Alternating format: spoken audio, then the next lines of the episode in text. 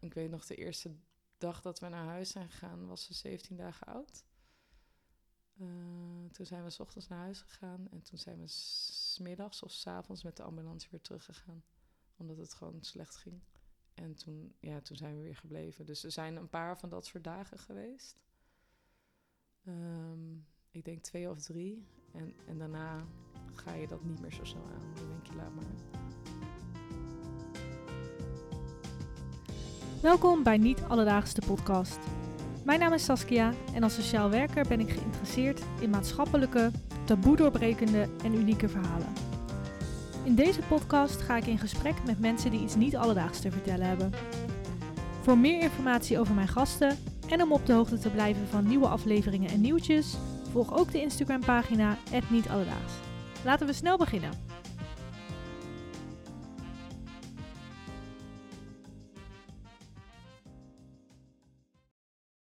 Wat fijn dat je weer luistert naar een nieuwe aflevering van Niet Alledaags. Vandaag ga ik in gesprek met Imke. Op 29 maart 2016 werd haar dochter Vigen geboren. Slechts een paar uur na de bevalling kreeg Vigen haar eerste epileptische aanval. Dit was helaas nog maar het begin van vele epileptische aanvallen die nog zouden volgen. Na ruim acht maanden overleed Vigen. Imke, uh, fijn uh, dat ik met jou over dit heftige onderwerp uh, in gesprek mag gaan. Ja, fijn dat je er bent. Um, welkom bij Niet Alledaags. Um, wat een heftig verhaal. Ja, dat is het. Jullie, uh, die uh, jullie dochter uh, hebben verloren. na best wel een lang ziekbed, maar in een heel kort leven eigenlijk. Ja. Um, als we even helemaal teruggaan naar het begin van nog, nog voor Vigen geboren werd ja, hoe zag jullie leven eruit? Hadden jullie al andere kinderen? Um, waren jullie al lang samen? Wat, wat hadden jullie voor leven samen? Uh, Bram en ik waren nog niet zo lang samen. Um, maar wisten al vrij vroeg dat het uh, goed zat. En um, wij gaan, zijn gaan samenwonen. En, uh, en al snel hadden we zoiets van... nou, we zouden heel graag een kindje willen verwelkomen in ons gezin. Daar hebben we heel eventjes um, op mogen wachten. Maar toen zij, uh, ja, toen Vivienne in mijn buik groeide, was, het, uh, ja, was er natuurlijk vooral heel veel vreugde. En uitzicht naar ja, iets heel moois. Ja, dus Vigen was meer dan welkom. Meer dan welkom, zeker. Ja. Um, hoe verliep de zwangerschap? Nou, dat verliep eigenlijk vrij soepel.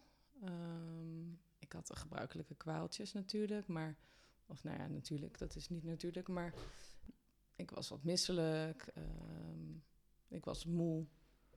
Uh, maar elke keer iets voorbij de termijn dat het zou verdwijnen, was dat ook zo. Dus dat was eigenlijk prima. Wat ik wel, uh, op een gegeven moment ga je natuurlijk je kindje voelen.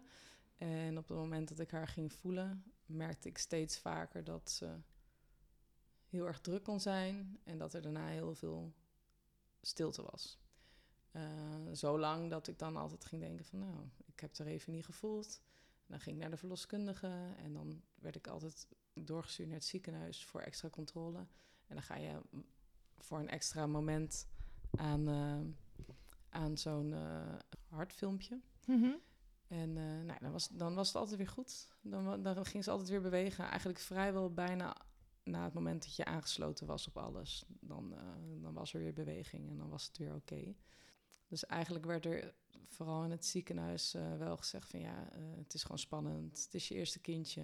Je weet ook niet wat je, je moet verwachten. Je weet, nee, precies. Je weet niet wat je moet verwachten. En uh, ja, er zijn heel veel moeders gewoon bezorgd tijdens hun eerste zwangerschap.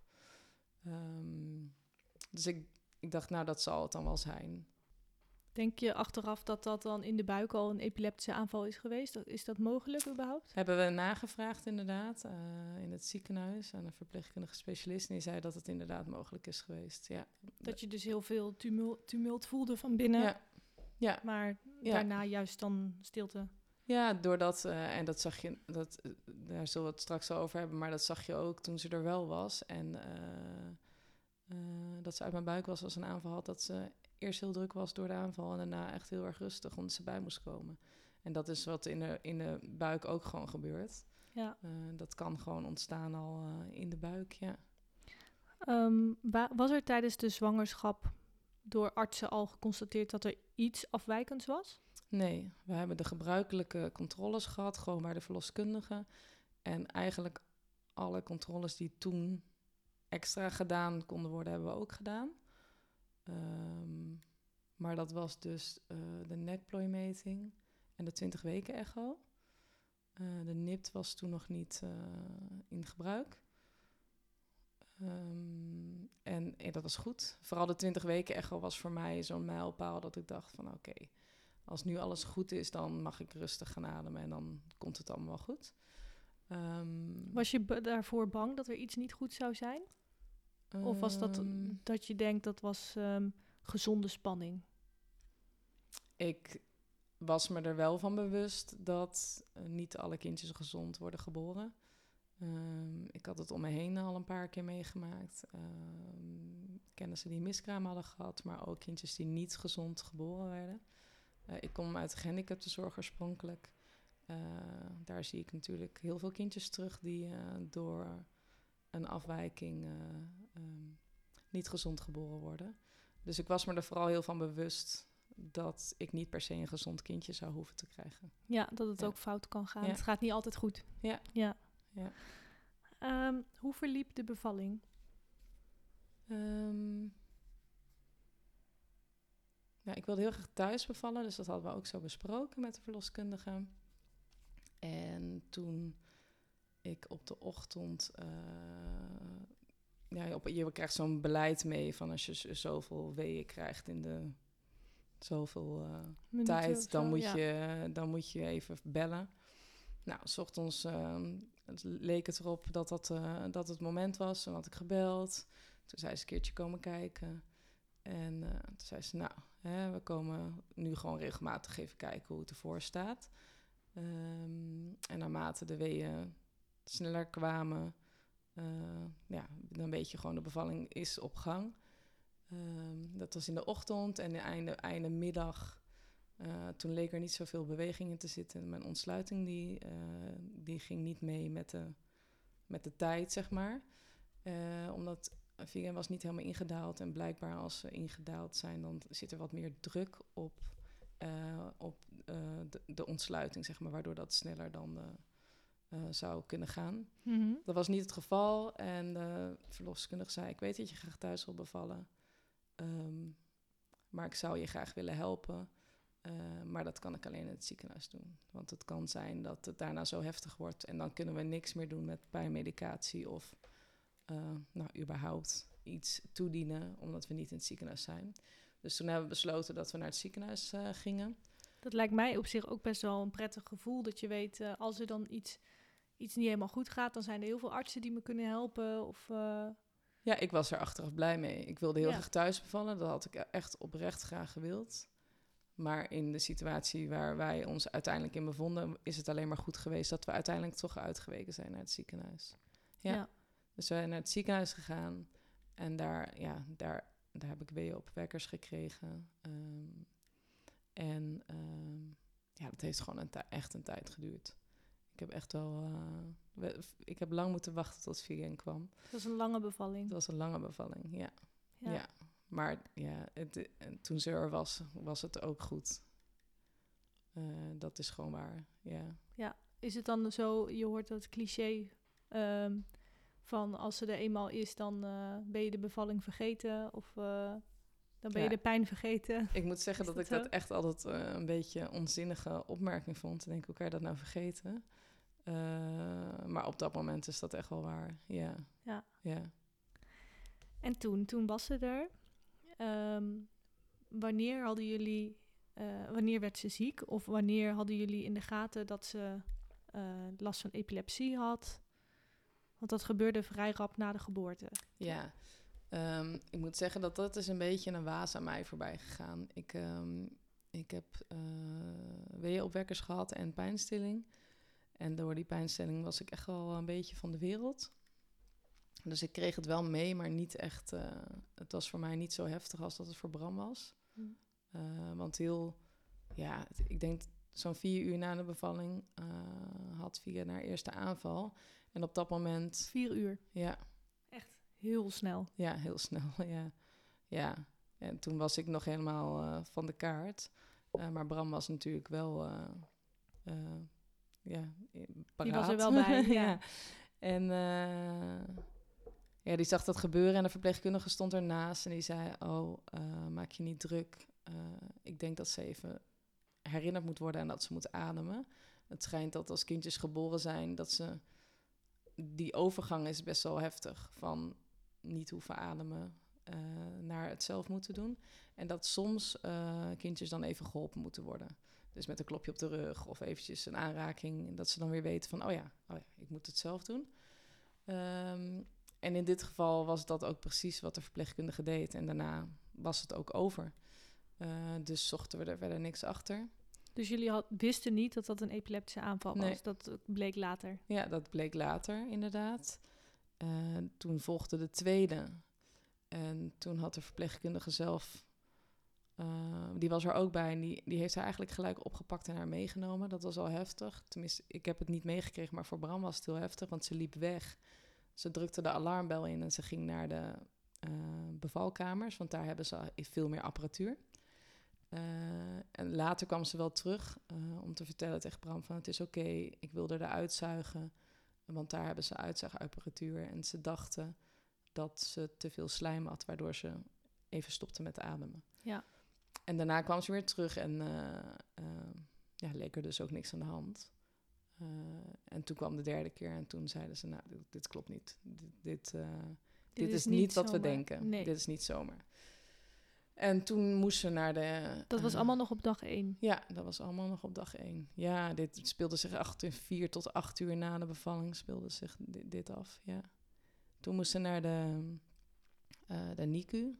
Eh, ik ben bevallen in het Slingeland ziekenhuis, dus ze moest naar beneden. Eh, dus dat ligt niet, dat ligt niet aan de, de kraamafdeling, zeg maar. Ja, dat was heftig. Ja. Want op, op dat moment eh, weet je dus, besef je op dat ehm, van er is iets niet goed. En ze gaan verder onderzoeken wat dat is. Ja, ik weet niet of we daar echt mee bezig waren. Natuurlijk schik je rot en weet je dat ze niet voor niks ehm, daar naartoe hoeft. Ehm, maar ik vond het vooral heftig, omdat wij, wij lagen op de kraamafdeling. Ik was net bevallen en wij sliepen daar s'nachts. Want ik was gewoon kraamvrouw. Ik kon niet het ziekenhuis uit. En s'nachts en s'avonds hoorden we baby's huilen. En nou ja, dan ga je ervan uit, papa's en mama's zijn bezig met hun kindje en ons kindje lag er niet. Want ons kindje lag beneden. Wat was het voor afdeling waar ze lag? Ja, het is, het is echt eh, de IC voor babytjes. Ja, oké. Ehm, en we mochten daar wel heen. Ehm, althans, Bram mocht erheen, want ik kon daar niet heen. Ehm, het is, eh, de IC eh, in het Slingeland is best wel klein. Eh, dus er moet echt ruimte zijn om met een bed naar binnen te komen. Want ik kon niet met de rolstoel naar binnen. Ja, dus dat is, dat is een hoop geschuif en gedoe. Ik kon niet stand P naar mijn kind toe, zeg maar. Ehm, en als je in een rolstoel bent, kan je daar wat makkelijker manoeuvreren. Ja, dus ik moest daar ook zelf op wachten tot ik eh, natuurlijk zelf een beetje bijgekomen was van de bevalling, tot ik daar naartoe kon. En ook dat er ruimte gemaakt was om eh, met een bed eh, de IC op te kunnen. Ja. Wat heftig. ja, dat was het. Ja, dat Je, zijn je bent net bevallen dagen. en je, je kan niet eens naar je, naar je kindje toe. Ja, dat is echt heel heftig. Ja. En tegelijkertijd eh, werd er met man en macht onderzocht wat er dan aan de hand was. Ja, ja ze hebben in het eh, ziekenhuis. ehm, ja, dan gaan ze gewoon alles bekijken. Natuurlijk was het woord epilepsie al een keer gevallen. Maar je weet, ja. Je weet Ja. zelf dan niet eh, ja, wat klopt ervan en waar komt het vandaan. Eh, het kan natuurlijk ook gewoon door de heftige bevalling komen dat dat een reactie is. Eh, ja, je weet het gewoon niet. Dus wat zij gedaan hebben is, ze hebben een hartfilmpje gemaakt, ze hebben een hersenfilmpje gemaakt. En ze is door de MRI-scan gegaan. Ehm, en daar was niks op te zien, eigenlijk. Alles was oké. Kerngezond, Ja, leek. ja. Dus ehm, nou, toen in, nou, in drie dagen ongeveer hebben ze al die onderzoeken gedaan. En de vierde dag eh, kwamen ze naar ons toe en zeiden ze... nou, we weten het eigenlijk niet. Eh, we hebben het met het Radboud overlegd. Ehm, en zij zouden graag zien dat Vigen die kant op komt. Want ondertussen had ze nog steeds epileptische aanvallen. En dan, hoe frequent kwamen die dan? Ja, ik weet niet helemaal meer precies eh, in, in eh, hoeveel aantallen dat waren, zeg maar. Ehm, maar in de goede periode had ze er één tot drie op een dag. Ja. En meestal waren het er drie. En soms waren er wat minder. Ja. Het lijkt me ook heel heftig om zo'n kleintje te zien terwijl, terwijl zo'n babytje dan zo'n aanval krijgt. Dat... ja, het is heel heftig om te zien, omdat het ook uiterlijk eh, er heftig uitziet. Ja. Ehm, Want ziet dat er net zo uit als bij een volwassene? Dat, de, dat het, wat gaat, het lichaam gaat schokken? Of... Ehm, nee, bij Vigen was het echt ehm, haar gezicht. Nou, ze maakte altijd eerst een gilletje. Dus we wisten op een gegeven moment gewoon... Het eh, gebeurt nu. Het gebeurt nu, want ze gaf dat gilletje. En dan trok haar gezicht... ja, haar, haar gezicht vertrok. Het werd heel rood en dan onder ogen en haar mond zat zoveel spanning dat het eh, wit werd, zo'n lijntje, zeg maar. Ehm, en ze had schokjes door haar lijf. Maar hoe kleiner, eh, hoe kleiner ze was, hoe kleiner die bewegingen ook waren. En toen ze groter werd, werd dat natuurlijk ook wel wat meer. Eh, maar in het begin was het inderdaad vooral het gilletje, het rood worden en die witte lijnen. Om de spanning, zeg maar. Eh, en dat zag er gewoon heel heftig uit. Het lijkt alsof ze niet meer gaat ademen. Dat is waar het op lijkt, zeg maar. Ja. Want ze houdt dus ook haar adem in op dat moment. Je ziet dat ze... Lijkt het erop alsof ze geen lucht kreeg? Of... Het lijkt erop inderdaad, maar ehm, op, ze, ze heeft natuurlijk... ehm, uiteindelijk is ze gewoon altijd aan, aan, aan slangetjes eh, gelegen...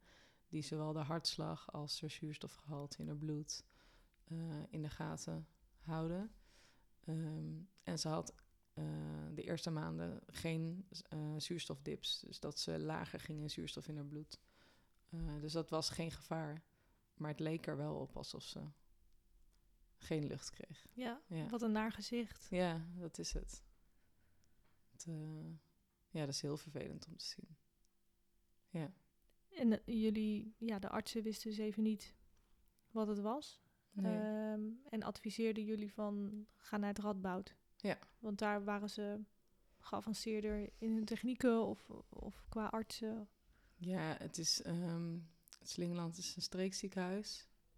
Eh het Radboud eh, is een universitair ziekenhuis. Ehm, dus ze hebben daar veel meer eh, onderzoek gedaan. Ze hebben daar echt wel meer kennis in huis, denk ik dat ik dat mag zeggen. Ehm, en op de neurologieafdeling hadden ze al vaker wat eh, epileptische ehm, syndromen gehad die, eh, nou ja, die, waar, ze, waar ze mee gewerkt hadden, zeg maar. Ehm, dus we zijn eigenlijk eh, diezelfde dag nog naar het Radboud verplaatst. Dat ging in een, eh Vigen ging in een ambulance. In een speciale, ja, ik noem het altijd maar space shuttle. Ik weet niet precies wat het was, maar zo zag het eruit. Dat eigenlijk, ja, ik moet er elke keer om lachen. Ook als ik die foto's zie. Het is, ehm, volgens mij eh, is het gewoon een, eh, een, een couveuse die eh, meegenomen kan worden, zeg maar. In een ambulance. Ja, dus ze was echt helemaal ingepakt in zo'n in zo'n unit. En daar ging ze op de brancard ging ze mee. Ehm, en ik ben daar met Bram achteraan gereden. ik durfde niet zo goed mee in de ambulance. Eh, en, Bram, en Bram moest sowieso uitrijden, want dat kon ik nog niet. Ehm, dus de arts van, de kinderarts van het Sint ziekenhuis is meegegaan met Vigen. Want ik wilde niet dat ze alleen ging. Heftige herinnering. Ja. Ja, dat is de eerste keer eh, loslaten. Het Ja. begon al vroeg. ja, echt de allereerste keer zonder je kind. Ja. Wel, ehm, denk ik prettig dat het dan een arts is die meegaat. Ja, het was heel fijn. Ehm, we hadden fijn contact met de kinderarts. Die eh, vier dagen dat ze daar gelegen had, heel betrokken, heel lief. En ehm, ik kan me nog herinneren, ehm, dat ze eigenlijk niet zo goed tegen autorijden kon. En eh, in de ambulance zou ze ook nog volgens mij zo moeten zitten dat het helemaal niet gunstig was als je wagenziek bent. Ehm, maar ze ging toch mee. En dat was super fijn, want er ging iemand mee die voor haar had gezorgd. eh. en, en daardoor voelde het vertrouwd dat, eh, dat ze echt niet alleen was. Dat was prima. Ja. ja. Wat heftig. Ik zie dat je ook nog heel erg veel, veel doet. Ehm, Ja. Als we weer teruggaan echt naar die beginperiode. Ja, ik moet zeggen, we praten wel veel over vegan, maar over deze stukjes wordt nu niet meer zoveel gepraat, omdat de jaren verstrijken, zeg maar. Ja, Dus je rakelt het nou weer op. eh, Ja, ja. Dat klopt, ja. Heftig. Ehm, toen kwamen jullie in Nijmegen aan. Ja. En toen? Ehm, dat was een beetje een. eh, ik vond het een beetje rommelig, omdat. eh nou, vegan kon natuurlijk gelijk naar de NICU. Daar. En Wa- waar staat NICU voor? Een neonatale intensive care unit. En dat is inderdaad gewoon de IC voor kinderen waar nou ja, vroeggeboren kinderen heen gaan. Ehm, in de eerste maanden van hun leven. En als ze wat ouder worden, gaan ze door. Eh, op een gegeven moment eh, ga je dan gewoon naar de gewone IC als het een langere periode Oh, is. echt? Ook als je nog een kleine baby bent eigenlijk? Bijvoorbeeld van een half jaar oud? Of, eh, Ik denk dat uh, Vigen heeft toen ze een maand of vijf was of zo, is ze, is ze naar de gewone IC een keer gegaan, ja. Ja. Ja. Oké. Nou, daar wil ik straks nog over horen. Maar ehm, hoe ging het verder in het Radboud? Ze kwamen op de NICU. Ja, zij ging naar de NICU. Ik mocht nog ehm een nachtje naar de kraamafdeling. Er was eigenlijk geen plek voor mij als kraamvrouw in het ziekenhuis. Ook omdat ik daar niet bevallen was. Uh, maar ik heb gelukkig nog één nachtje daar op de kraamafdeling mogen blijven. En toen uh, heb ik mijn verdere kraamweek in het, uh, Rad of in het Ronald McDonald's huis uh, doorgebracht. Oh, ja. ja. Dus daar um, waren mijn controles. Die werden gedaan door een verpleegkundige of een uh, verloskundige praktijk uh, in die regio. En die kwamen ze dan op de kamer van het uh, Ronald McDonald's huis doen. En ja, wij konden zo heen en weer pendelen naar Vigen. Ja. En wat werd er, um, hoe ging het verder met Vigen? Werd ze onderzocht? Bleven de epileptische aanvallen aan? Of? Ze hebben alle onderzoeken die het Slingeland heeft gedaan, heeft het uh, Radboud ook um, herhaald. Uh, ze konden er inderdaad niet zoveel in vinden en ze wilden het zelf overdoen. Um, en we hebben ook, ze hebben ook op de uh, NICU zelf langdurige hersenfilmpjes gemaakt.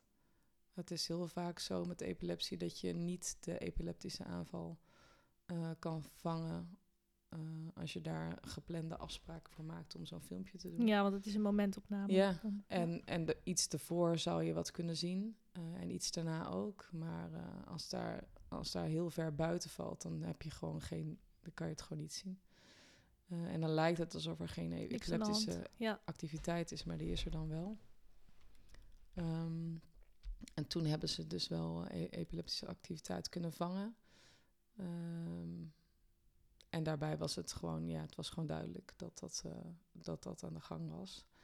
En, um, maar ook zij kwamen verder niet, uh, niet verder met waar wordt de epilepsie door veroorzaakt. Um, ja, en dat is natuurlijk wat je wil weten.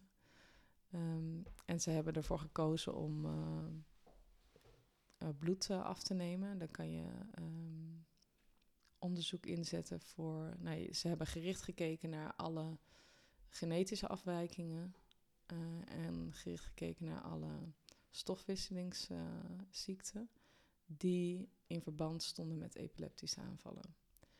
Daar wilden ze dus op zoeken met het bloed. Um, over het algemeen gaan, daar gaat er heel veel tijd overheen, want het kost heel veel geld. Uh, ze doen dat dan in etappes, dan pakken ze alle stukjes onderzoeken in een soort van ja, badge, denk ik, dat mm -hmm. ik me zo kan voorstellen. En dan, dan dan is het niet zo duur als dat je alles in één keer zou gaan doen. Ehm, wat prima was op het moment dat we bloed afnamen. Maar later verslechterde haar situatie, kreeg ze meer aanvallen. En zaten wij er ook gewoon een beetje doorheen. Dat je niet weet wat het is. Want hoe oud was ze op dit moment? Ik denk een maand of drie, ja. Oké, en al die tijd hebben jullie in het ziekenhuis Ehm, ja. Gezeten? Eh, we zijn wel eens een keertje naar huis geweest. Ook met Vigen? Ja, maar dat was dan... Ja, dat was voor korte duur vaak. Ik weet nog, de eerste dag dat we naar huis zijn gegaan, was ze 17 dagen oud. Eh, toen zijn we s ochtends naar huis gegaan en toen zijn we smiddags of s avonds met de ambulance weer teruggegaan. Omdat het gewoon slecht ging. En toen, ja, toen zijn we weer gebleven. Dus er zijn een paar van dat soort dagen geweest. Ehm, ik denk twee of drie. En, en daarna ga je dat niet meer zo snel aan. Dan denk je, laat maar. Ehm, als het een poosje goed gaat, dan, eh, dan proberen we dat nog wel een keer. Ehm, maar op dat moment was ze dus eh, niet thuis, maar in het ziekenhuis. En eh, toen hebben we er spoed achter gezet. We hebben gevraagd of dat mocht. Daar moet je echt wel toestemming voor vragen. Ehm, en dat was akkoord. En toen hebben ze heel snel kunnen achterhalen dat zij een genetische afwijking had, um, genaamd SCN2A. Um, en die naam SCN2A komt van het stukje waar de afwijking zit, zeg maar. Dat is gewoon de naam van het stukje waar die, eh, waar, op de plek, zeg maar. In de hersenen. Waar die afwijking zit. Ja. Maar eh, toen, toen wisten we eigenlijk nog niet zoveel, uh, behalve dat, dat... Er is een diagnose. Ja. Um, en het is genetisch. Ja. Betekent dat dan ook dat het erfelijk is? Het kan erfelijk zijn, ja. Uh, Wij zouden drager kunnen zijn. Ja, is het een gen wat je meedraagt inderdaad? Is dat... Ja, dat kan. Uh, het had kunnen zijn dat Bram of ik, of wij allebei, dat kan natuurlijk ook, drager zouden zijn geweest. En dat wij dus um, wel de mutatie hebben, maar niet de uh, ongemakken, zeg maar, daarvan. Mm -hmm. um, dus dat hebben we eigenlijk vrijwel meteen nadat Vigenne de diagnose kreeg, hebben wij ook bloed laten onderzoeken. Um, voornamelijk uh, hebben we dat gedaan omdat bij haar uh, afwijking het zo is dat als wij drager zouden zijn, de prognose beter is dan als wij niet drager zouden zijn en het ontwikkeld zou zijn uh, na bevruchting van de eicel door de spermacel. Oké. Okay. Dat was echt heel erg um, dubbel. Um, want aan de ene kant hoopte ik heel erg dat wij drager zouden zijn, zodat de prognose voor vegan beter zou zijn. En aan de andere kant hoopte ik heel erg dat we niet de drager zouden zijn. Dat als wij mogelijk uh, de wens zouden hebben voor nog meer kinderen in ons gezin, uh, dat zij niet een grote kans zouden hebben om het ook te krijgen. Ja, duidelijk. Ja. Dat, ja. Duidelijk dat je zo dubbel, dat je daar zo'n dubbel gevoel bij, uh, bij Ja. hebt. Um, en wat was de uitslag? Vigan heeft het zelf ontwikkeld, dus wij waren geen drager. Dat betekent dat, uh, nou ja, eigenlijk uh, een opvolgend kindje 1% zou, of minder dan 1% zou, uh, kans zou hebben om ook de genetische afwijking te hebben. Eigenlijk net zoveel als, Als ieder ander. ieder ander, ja. Want hoe vaak komt dit voor? Hoe vaak het precies voorkomt, dat weet ik niet. Ik weet wel dat, uh, heb ik mij laten vertellen, dat Vigen het vijfde kindje in Nederland was. Die, uh, Ooit. Ja. Of tenminste, zolang ze weten, ja. zeg maar. En zolang het uh, onderzocht Getest is, wordt. getest Ja. wordt. Nou ja, in elk geval heel weinig. Ja, dus er was weinig kennis. Um, ja, dat, dat was vooral moeilijk. Kijk, je hoopt dan dat het iets is waar ze al heel veel onderzoek naar hebben gedaan. Waar ze weten wat werkt en wat niet werkt. Um, en wat het vervelende was, uh, en nog steeds is, um, is dat wat voor vegan werkt, voor een ander niet werkt. En wat voor een ander werkt, voor vegan niet per se hoeft te werken. dus we hebben, een, we hebben wel zo'n community opgezocht via social media. Er is een foundation die, um, SCN2A Foundation, die geld inzamelt en onderzoek doet. Maar ook een supportgroep is voor ouders die een kindje hebben met deze mutatie. En in die groep wordt er heel veel gedeeld over ehm, hoe een diagnose gesteld is, hoe het verloop is en wat werkt en wat niet werkt. Ehm, dus wij hebben ook in het, in het verloop van haar ziekte een paar keer vragen gesteld van hoe, hoe is het voor jullie geweest? Wat hebben jullie gedaan? Wat werkte, wat niet? En dat, ja, teruggekoppeld naar de artsen van uh, kunnen we dit wel doen of niet doen. Veelal was in Amerika, dus niet alles wat ze daar kunnen en mogen doen, mogen ze hier ook doen en kunnen ze hier mhm. ook doen. Ehm, sommige medicijnen zijn bijvoorbeeld niet beschikbaar, sommige wel. Uh, dus we konden natuurlijk niet alles opvolgen, maar we konden het wel allemaal bespreken. En um, wat heel fijn was in de Radboud is dat wij, ondanks dat we natuurlijk niet de, per se de medische kennis hebben, wel leidend waren. Uh, en heel duidelijk waren van dit is jullie dochter. Jullie weten hoe haar ziektebeeld verloopt. Jullie kennen haar het beste. Dus wij gaan naar jullie luisteren. Dat is fijn. Al ben je natuurlijk afhankelijk van artsen met hun medische kennis. Ja, maar dat heeft ons wel echt heel erg geholpen. Ja. Om je zo gehoord en gezien te voelen. Het raakt me nog steeds. Ja. Maar ehm, wel in positieve zin. Zeker in positieve zin. Dat je je zo ondersteund hebt gevoeld in het ziekenhuis. Ja. En, en ook van de lotgenotengroep. Ja, dat is gewoon heel fijn geweest. Je weet dat je niet de enige bent. Het is jammer, en ook weer niet natuurlijk, dat je niemand heel erg in de buurt hebt op dat moment die dat doormaakt. Um, maar er zijn dus wel wat kinderen in Nederland die dat ook hebben. Maar alle kinderen die we, alle ouders die we tot, tot dat moment uh, leerden kennen, uh, hadden een heel ander uh, uiting van de ziekte, zeg maar. Oh, dus dat kan ook. Ja, niet iedereen ontwikkelt epilepsie bijvoorbeeld. Um, of ontwikkelt het gelijk. Dat kan ook later komen. Um, ja, Vigen had de pech dat ze dat uh, vanaf het begin af aan had. Ja.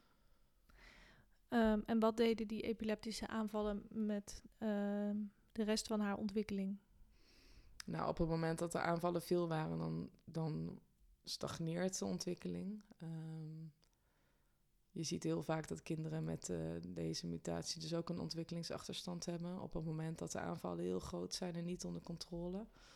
Um, het is heel moeilijk onder controle te krijgen. Um, en ja, als ze ouder had mogen worden, dan hadden we misschien, uh, had ze misschien nooit kunnen praten. Mm uh, had ze misschien nooit kunnen lopen. ze had een hele... Alle energie gaat op naar die aanvallen. Ja, en ook zijn ze bekend dan met of een hele hoge spierspanning of een hele lage spierspanning. En Vivian had een hele lage spierspanning, dus als wij haar vasthielden, dan zelfs toen ze zes maanden was of ouder, uh, was ze eigenlijk net zo slap als een pasgeborene. Je moest echt heel erg haar hoofd ondersteunen. Hmm. Want ze kon dat gewoon zelf helemaal niet uh, omhoog houden, zeg maar. Ja. Ik vind het een heel heftig verhaal. Ja, dat snap ik. Dat is het ook. Um, en wanneer hadden jullie in de gaten dat het echt ernstig was met Vigen? Um, ik denk dat het was toen ze ongeveer zeven maanden oud was. Um, toen was ze een paar weken thuis geweest. Uh, en ondanks dat er veel aanvallen waren, was het ook fijn om haar hier thuis te hebben. Um, en om de zoveel uh, weken stond er dan controle-EEG ge, uh, gepland, zo'n hersenfilmpje. En dan, ja, dan konden we thuis gewoon wachten op de uitslag. En toen zij een maand of zeven was, toen kreeg ik een telefoontje van haar neuroloog dat, de, dat er afwijkende beelden gevonden waren op haar hersenfilmpje. En dat ze vermoedde dat ze het syndroom van West had ontwikkeld. dat is een epilepsiesyndroom, waar er voornamelijk salaamkrampen voorkomen. Wat voor krampen? Salaamkrampen. Dat zijn, um, nou ja, eigenlijk hele snelle samentrekkingen van armen, benen en hoofd. Uh, het is een beetje alsof je in elkaar duikt Mhm. in een hele snelle beweging. Ehm, en we zagen dus in de, lo- in de loop naar die EEG toe dat de aanvallen vermeerderden bij Vigen, maar dat ze ook anders werden. En dat werd dus bevestigd door, door dat, eh, dat eh, EEG. En daardoor wilden ze haar weer opnemen, eh, want dat kon eh, behandeld worden. Ehm, en toen zijn we in eerste instantie gestart met een stootkuur prednison. Dat is het eerste wat ze in Nederland doen bij het vermoeden van het syndroom van West. Daar reageerden ze niet zo, niet zo heel goed op. In eerste instantie leek even wel dat ze daar goed op deed, ze maar ze ging vooral heel goed eh, eten eh, en drinken. Ze heeft eigenlijk vrij weinig eh, zelf gedronken. Ze heeft heel, heel, heel veel gezonde gekregen om, om de, de moedermelk van mij via de zonde te krijgen. En ehm, toen we startten met gewoon voeding was dat minimaal, want ze had er eigenlijk geen kracht voor. Ehm, en in die eerste week van de prednison ging ze echt heel veel eten. Dat was eigenlijk best wel grappig. En we waren ook super trots. We dachten, oh, wat mooi dit. Dus we dachten eigenlijk van, nou, dat is een heel goed, eh, Goed teken. Goed teken. Ja. Ehm, maar de aanvallen werden niet minder. Eh, toen hebben we besloten nog een week door te geven. Mm, ook dat eh, had niet het gewenste effect. En toen hebben ze nog een ander medicijn ingezet. Daar kreeg ze al als basis een, een, een dosering van vanwege de epilepsie aan zich. En die hebben ze verhoogd in de hoop dat dat nog wat voor eh, ja, de, die pieken van het syndroom van West zou doen. Ehm,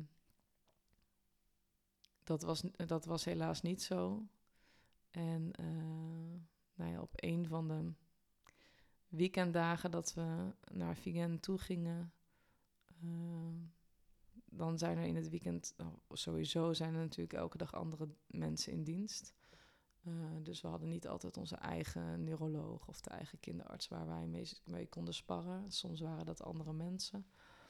En op één dag in het weekend troffen we een andere neuroloog en die, die wij raakten met hem in gesprek toen we bij Vigen eh, stonden en die zei van tot hoe ver willen jullie eigenlijk gaan?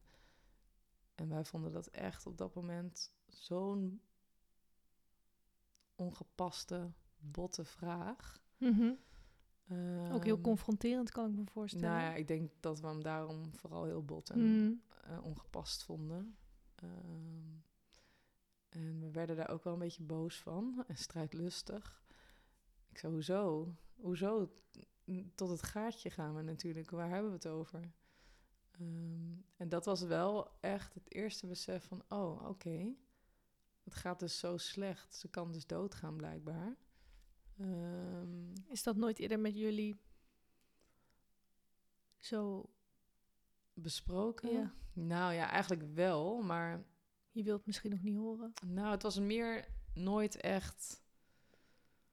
We kregen altijd als antwoord: vegan gaat niet dood aan de epilepsie. Aan de epilepsie zelf ga je niet dood. Wel aan wat het allemaal veroorzaakt. Hè? Dus je kan aan de gevolgen van epilepsie overlijden, maar niet aan de epilepsie aan zich. Wij zijn natuurlijk vanaf het begin dat we wisten dat ze dat had, ontzettend bang geweest om haar te verliezen. Maar nadat we meerdere gesprekken hebben gehad over nou ja, dit onderwerp, dus hadden wij zoiets oké, aan de epilepsie zelf gaat ze niet dood. Dan moet er echt nog wel iets bij komen, zeg maar.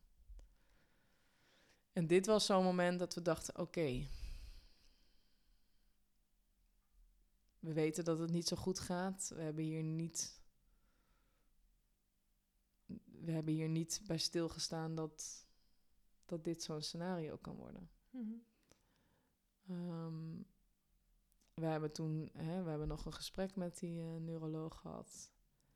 En eh, daarna waren we eigenlijk heel boos en verdrietig. En op dat moment hebben we gelijk gezegd: ik wil, ik wil dat gesprek nog een keer voeren, maar dan vanmiddag en dan als er iemand bij is. Dus, en altijd als wij moeilijke gesprekken hadden, dan kon ik eh, papa en mama bellen en dan, Konden die meegaan? ja, dan kwamen ze onze kant op en dan eh, sloot papa meestal aan bij het gesprek. En uh, nee, dat was wel heel heftig om dat nog een keer te doen. Maar dan kon nog iemand meeluisteren. En dan kon mijn vader altijd daarna wel zeggen van... ja, maar dit is, hè, dit is, wat, dit is wat het is. Dit is wat ze willen. Um, wij konden er niet altijd heel helder over nadenken. Uh, en hij kon uh, het gewoon goed van elkaar scheiden.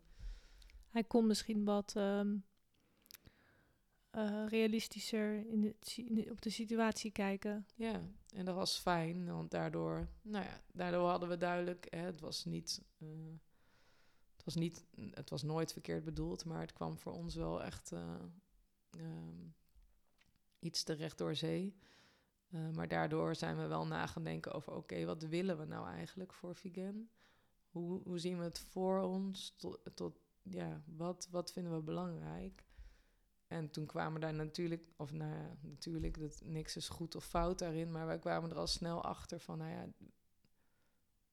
haar kwaliteit van leven staat voorop. Uh, en vooral om daar zo comfortabel mogelijk in te zijn. En als dat niet gaat, dan moeten we nadenken over of, of we dat dan wel voor haar willen. Um, en en wat, we, wat we moeten doen om haar zo, uh, ja, zo comfortabel mogelijk te laten zijn. En uh, dat betekent dus als je, want als je epileptische aanvallen krijgt, dan ga je op een gegeven moment medicijnen geven als het te lang duurt. En als ze niet na zoveel minuten volgens het protocol uit de aanval eh, kwam, dan kreeg ze uh, noodmedicatie toegediend. Uh, dat kon nog een tweede keer. En in het laatste geval misschien nog een derde keer. Maar als je meer gaat geven, dan heb je ook het risico dat, uh, dat je alle spieren stopzet. Dat is natuurlijk ook je ademhaling en je hartslag. Ja. Um, en als dat gebeurt, kunnen ze natuurlijk wel doen. Dan kan je naar de IC, dan kan je beademd worden. Uh, dat kan heel veel. Uh, maar ons is dus heel duidelijk uitgelegd van dit is wat er kan. Um, en als je dan weer terug wil naar nou ja, ons normaal, dus terug naar de gewone afdeling, dan moet er dit en dit en dit gebeuren. Dat in dit geval zou dan betekenen dat als je aan de beademing ligt, dat je er ook weer af moet komen, kunnen komen. Ja. En um, ja, dat kan niet altijd. En waarom zou je dat dan doen? Waarom ga je dan die stappen doen om vervolgens dan op hetzelfde punt uit te komen? Maar ja, kun je zo rationeel denken? Ja, dat konden we wel, ja. Knap. Ja. Dat hebben we, ja, dat hebben we heel goed gekund op dat moment. En vanaf dat punt zijn we dus ook e-, elke avond, als het weer, nou, eigenlijk elke avond, maar vooral als het hele slechte dagen waren, van hoe staan we erin? Staan we er nog hetzelfde achter? Ja, oké. Ja, jij ook? Ja, oké. Nou, mooi, weet je. Want we wilden natuurlijk, je moet wel allebei op die lijn zitten. Want als je, de een wil wel tot het gaatje gaan en de ander en niet, dan heb je nog een ander probleem. Uiteindelijk zijn we nog een, een nieuwe behandeling gestart, het ketogeen dieet. En uh, met dat dieet uh, zou je dus door de voedinginname die je doet, ervoor kunnen zorgen dat de aanvallen zouden afnemen. Um, ja, we dachten, kan altijd proberen. Waarom niet? Ja, ja. Nee, niet geschoten is uh, mis. Um, dus dat zijn we gaan doen. En dat betekent dat ze meer, uh, meer vetten tot zich gingen nemen dan koolhydraten en eiwitten. Uh, waardoor de stofwisseling dus, de vetverbranding anders zou gaan lopen. dus het ging van suiker, gaat het dan naar vetverbranding om. Um, nou, je moet wel zo'n vier weken minimaal, maar eigenlijk drie maanden moet je dat dieet volgen, zeg maar, om te kunnen zeggen of het, het werkt. Mm -hmm. En ik denk dat wij twee, twee weken onderweg waren toen wij. En de situatie verslechterde echt wel heel veel. Uh, ze ging van meer aanvallen tot vaker in status. Wat betekent dat er of heel veel aanvallen achter elkaar kwamen. Of dat er een aanval was waar ze dan niet uitkwam, ook niet met noodmedicatie. Um, ja, in die, die situatie zaten we op dat moment. Um, Ze had een longontsteking gekregen, dus ze was ook echt heel erg verzwakt. Ze was heel erg ziek. Uh, en op dat moment uh, waren we dus dagelijks in overleg met de artsen van wat gaan we doen, hoe kunnen we, mm, hoe kunnen we, ja, wat kunnen we nog doen voor haar? En uh, ja, op een gegeven moment zaten wij, uh, we zaten in de kamer van Vigen en we hadden de deuren vaak openstaan, het is best wel warm in zo'n ziekenhuiskamer. En dan is het nog een beetje het gevoel dat je leven in, in de kamer haalt, zeg maar. En toen kwamen de neuroloog van Vigan en de kinderarts en nog een handvol artsen kwam onze kant op lopen. En Bram en ik keken elkaar aan. En het... Je wist het al? Ja. We wisten gewoon, nou, dit wordt geen goed nieuwsgesprek in ieder geval. Um, ja, en toen kwam ook... Uh, toen zeiden ze ook, we kunnen niks meer voor haar doen kunnen haar niet meer behandelen. Dit, uh, dit is wat we kunnen doen. En daarmee gaat ze niet beter worden.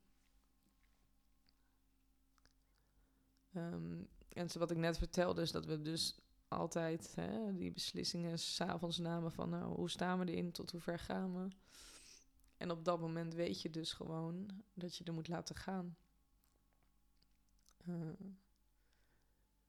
en aan de ene kant waren we daar heel verdrietig om, en aan de andere kant waren we daar ook wel.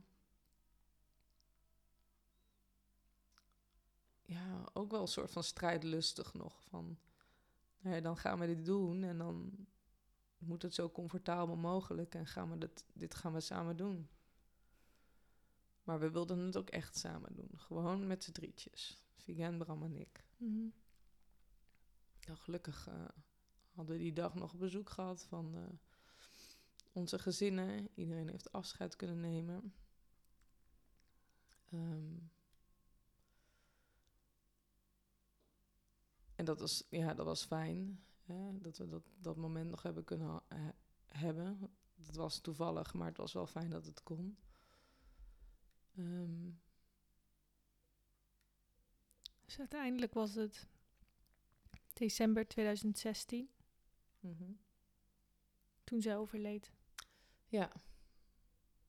Ja, we zijn die laatste fase, die in een palliatieve fase, zeg maar, ingegaan. Op diezelfde avond. En uh, nee, we hebben nog uh, twee nachten en een volle dag, zeg maar, met haar gehad. Um, we hebben de bedden bij elkaar geschoven en om en om had een van ons uh, vegan op de borst.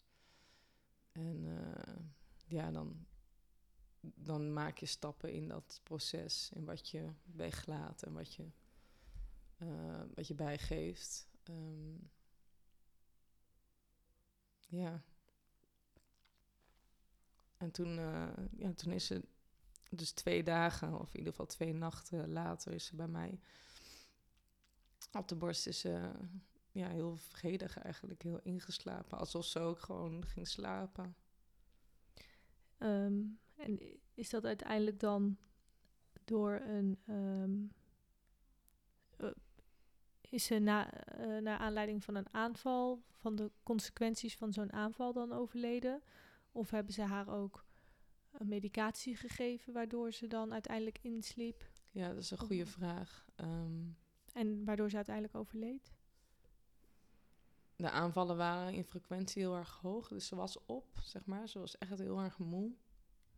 Um, ze had een longontsteking gehad. Daar kwam ze niet zo goed. Hè, daar knapte ze niet zo goed van op. Uh, waardoor de medicijnen die ze kreeg, in de dosering die ze kreeg, gewoon niet meer voor haar deden. Um, en als je zo'n palliatieve fase ingaat, dan stop je met alle basismedicijnen. Dus al haar antiepileptica ging er af. Uh, ze kreeg wel één antiepileptica voor als ze dus aanvallen had, een andere dan normaal. Om comfort, voor comfort vooral. Ja. Um, naast geen medicijnen geef je dan ook geen eten meer. Want het is heel onnatuurlijk natuurlijk als je wil dat iemand gaat sterven, dat je dan nog wel gaat voeden. Uh, dat vond ik heel erg lastig.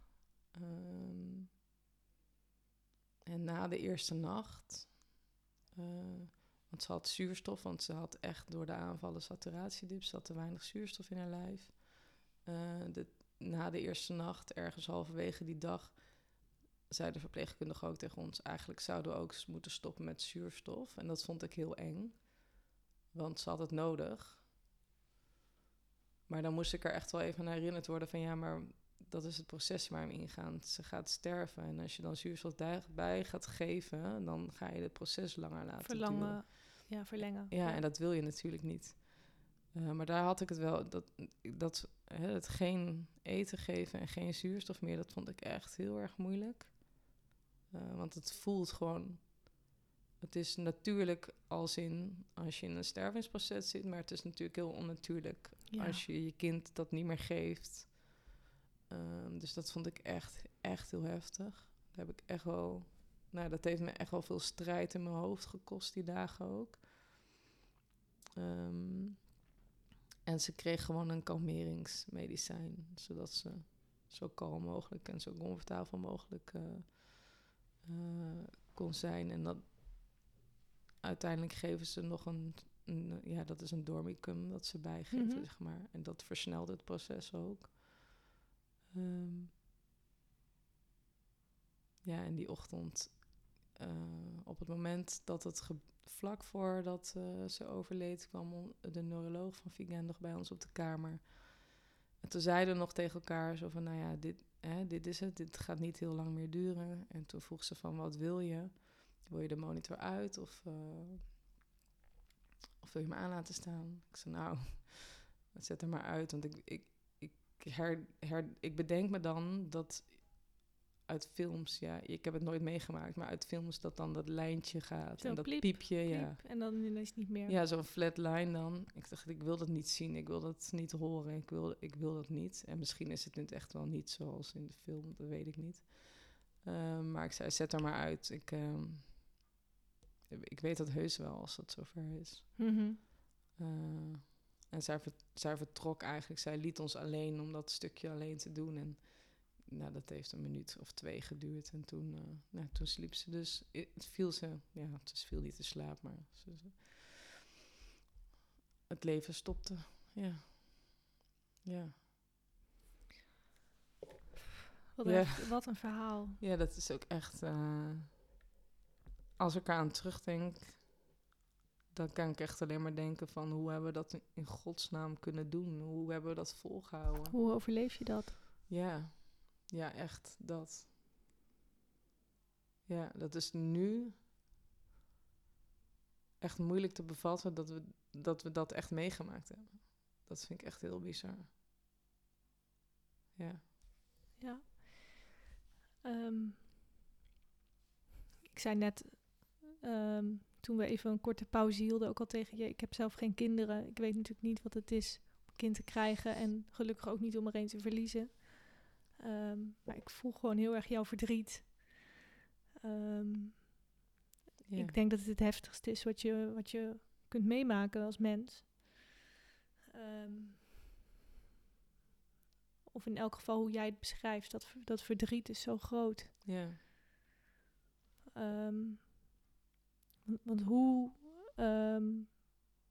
we hebben niet meer zoveel tijd. Maar nee. ik, ik wil toch nog weten hoe verliep het dan daarna? na het overlijden? Wat, wat gebeurt er dan? Nou, je bent nog een heel klein stukje op automatisch piloot aan het doen, want ze overlijdt en er moeten natuurlijk dingen gebeuren. Ja. Um, Begrafenis. Ja. Zulke, ja. Dat hebben we gelukkig niet alleen hoeven doen. Dat ging gelukkig met heel veel lieve mensen om ons heen, dus dat was fijn. Maar daarna dan val je echt wel in een zwart gat. Je hebt zo lang voor iemand gezorgd. Uh, je, je hoeft niet meer in het ziekenhuis te slapen? Nee, je, je, je gaat naar huis. Wij gingen letterlijk naar een huis waar we drie weken gewoond hadden. Voor of vier misschien. Voordat Vigen. Uh, Jullie woonden daar kwam. net? Wij woonden echt net in dit huis. Uh, toen Vigen geboren werd. Dus toen we hier thuis kwamen na het ziekenhuis, was dit niet thuis. Het ziekenhuis was thuis. Daar hadden we meer tijd doorgebracht dan dat we hier hadden.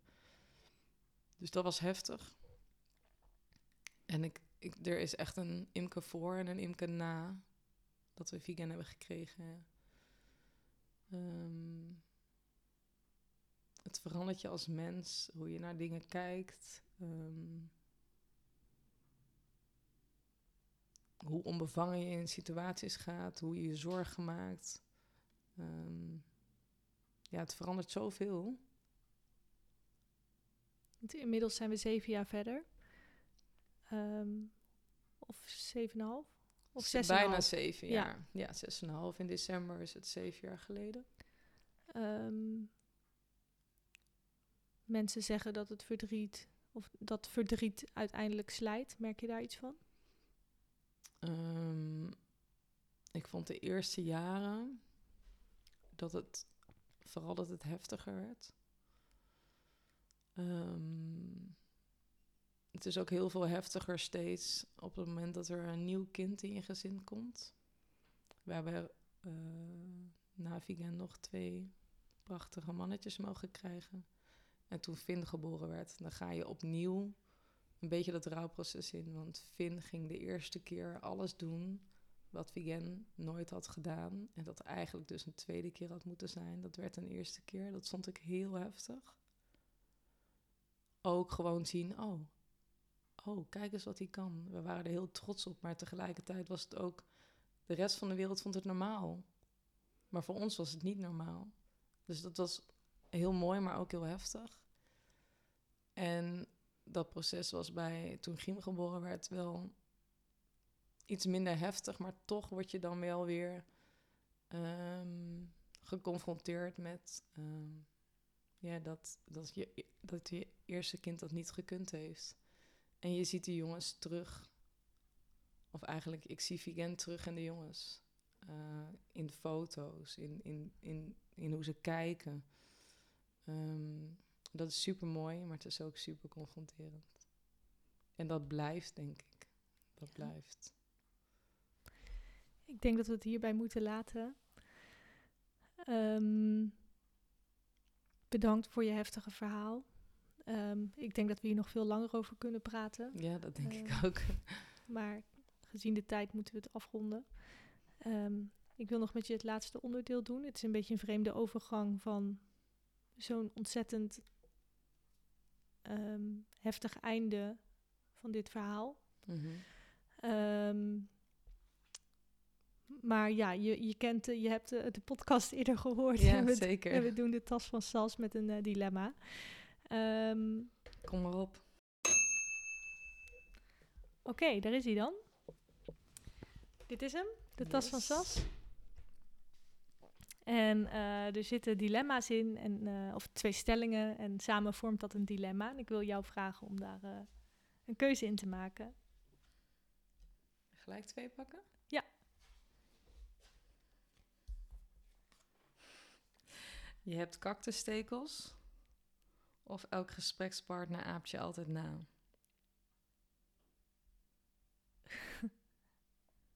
ja. Moeilijk. Nou, ja. Ik denk dat het naapen dat het, dat het heel erg irritant wordt. In het begin zal het nog een beetje giechelen zijn, maar daarna denk je toch wel van hou maar op. Hou je mond. Um, ja, cactusstekels dan maar. Ook wel onhandig, denk ik, met je kleding en zo. Ja, en, en knuffelen en zo. Ja, ja zeker met je twee uh, kleintjes. dat is wel zielig, hè? Ja. ja, dat naapen is ook wel... Ik zie jou me nog twijfelen. Ja, en, ja, als je het dan hebt over de kinderen knuffelen... denk ik, oh ja, dat is wel... Uh... Misschien zijn er wel een soort onesies of zo die je dan aan kan waar die stekels, stekels in verdwijnen. Waar die stekels niet doorheen gaan. Nee, maar dat knuffelen wordt dan toch wel minder. Ik, dan ga, ik vind dat heel irritant als mensen me nadoen. Um, ik heb natuurlijk twee uh, leidende voorwerpen in huis die dat af en toe doen. Als dat te lang duurt, is dat heel vervelend. dus, uh, maar ik denk dat ik daar toch voor ga. Ik denk dat ik daar toch voor ga. Ja, precies. Dat is echt heel erg vervelend. Oké, duidelijk. Ehm, Imke, heb je nog iets wat je als allerlaatste wil toevoegen? Ehm, nou, ik denk vooral de, het contact met mensen en dan over het algemeen, zeg maar, als mensen overlijden, dat uh, het fijn is voor de persoon om dat niet uit de weg te gaan. Je verliest al zoveel. En als je dan ook nog um, secundair verlies moet ervaren, als in dat mensen uh, uit je leven verdwijnen of um, je niet aanspreken. Ja, dat, dat, dat maakt het nog zwaarder. Ja. Dus je zou willen aanraden om mensen aan te sporen die um, gewoon eens te vragen hoe gaat het met je? Ja, Als je weet dat iemand in zo'n situatie ja, zit. Ja, ga het gesprek aan. En tuurlijk, dat is hartstikke moeilijk. En je wil niet altijd dat antwoord horen omdat het moeilijk is. Maar het kan net het verschil maken op een dag. Ja. Dat, ja. Nou, dat vind ik toch een mooi om mee af te sluiten. Dankjewel voor je openheid um, en jullie heftige, verdrietige, maar ook bijzondere verhaal. Ja, dankjewel, jij ook bedankt. Dit was hem dan. Niet alledaagse podcast. Laat me weten wat je van de aflevering vond. En vergeet vooral niet om me te volgen op Instagram, zodat je altijd meteen op de hoogte bent als er weer een nieuwe aflevering online komt. Super bedankt voor het luisteren en tot de volgende keer. Doei doei!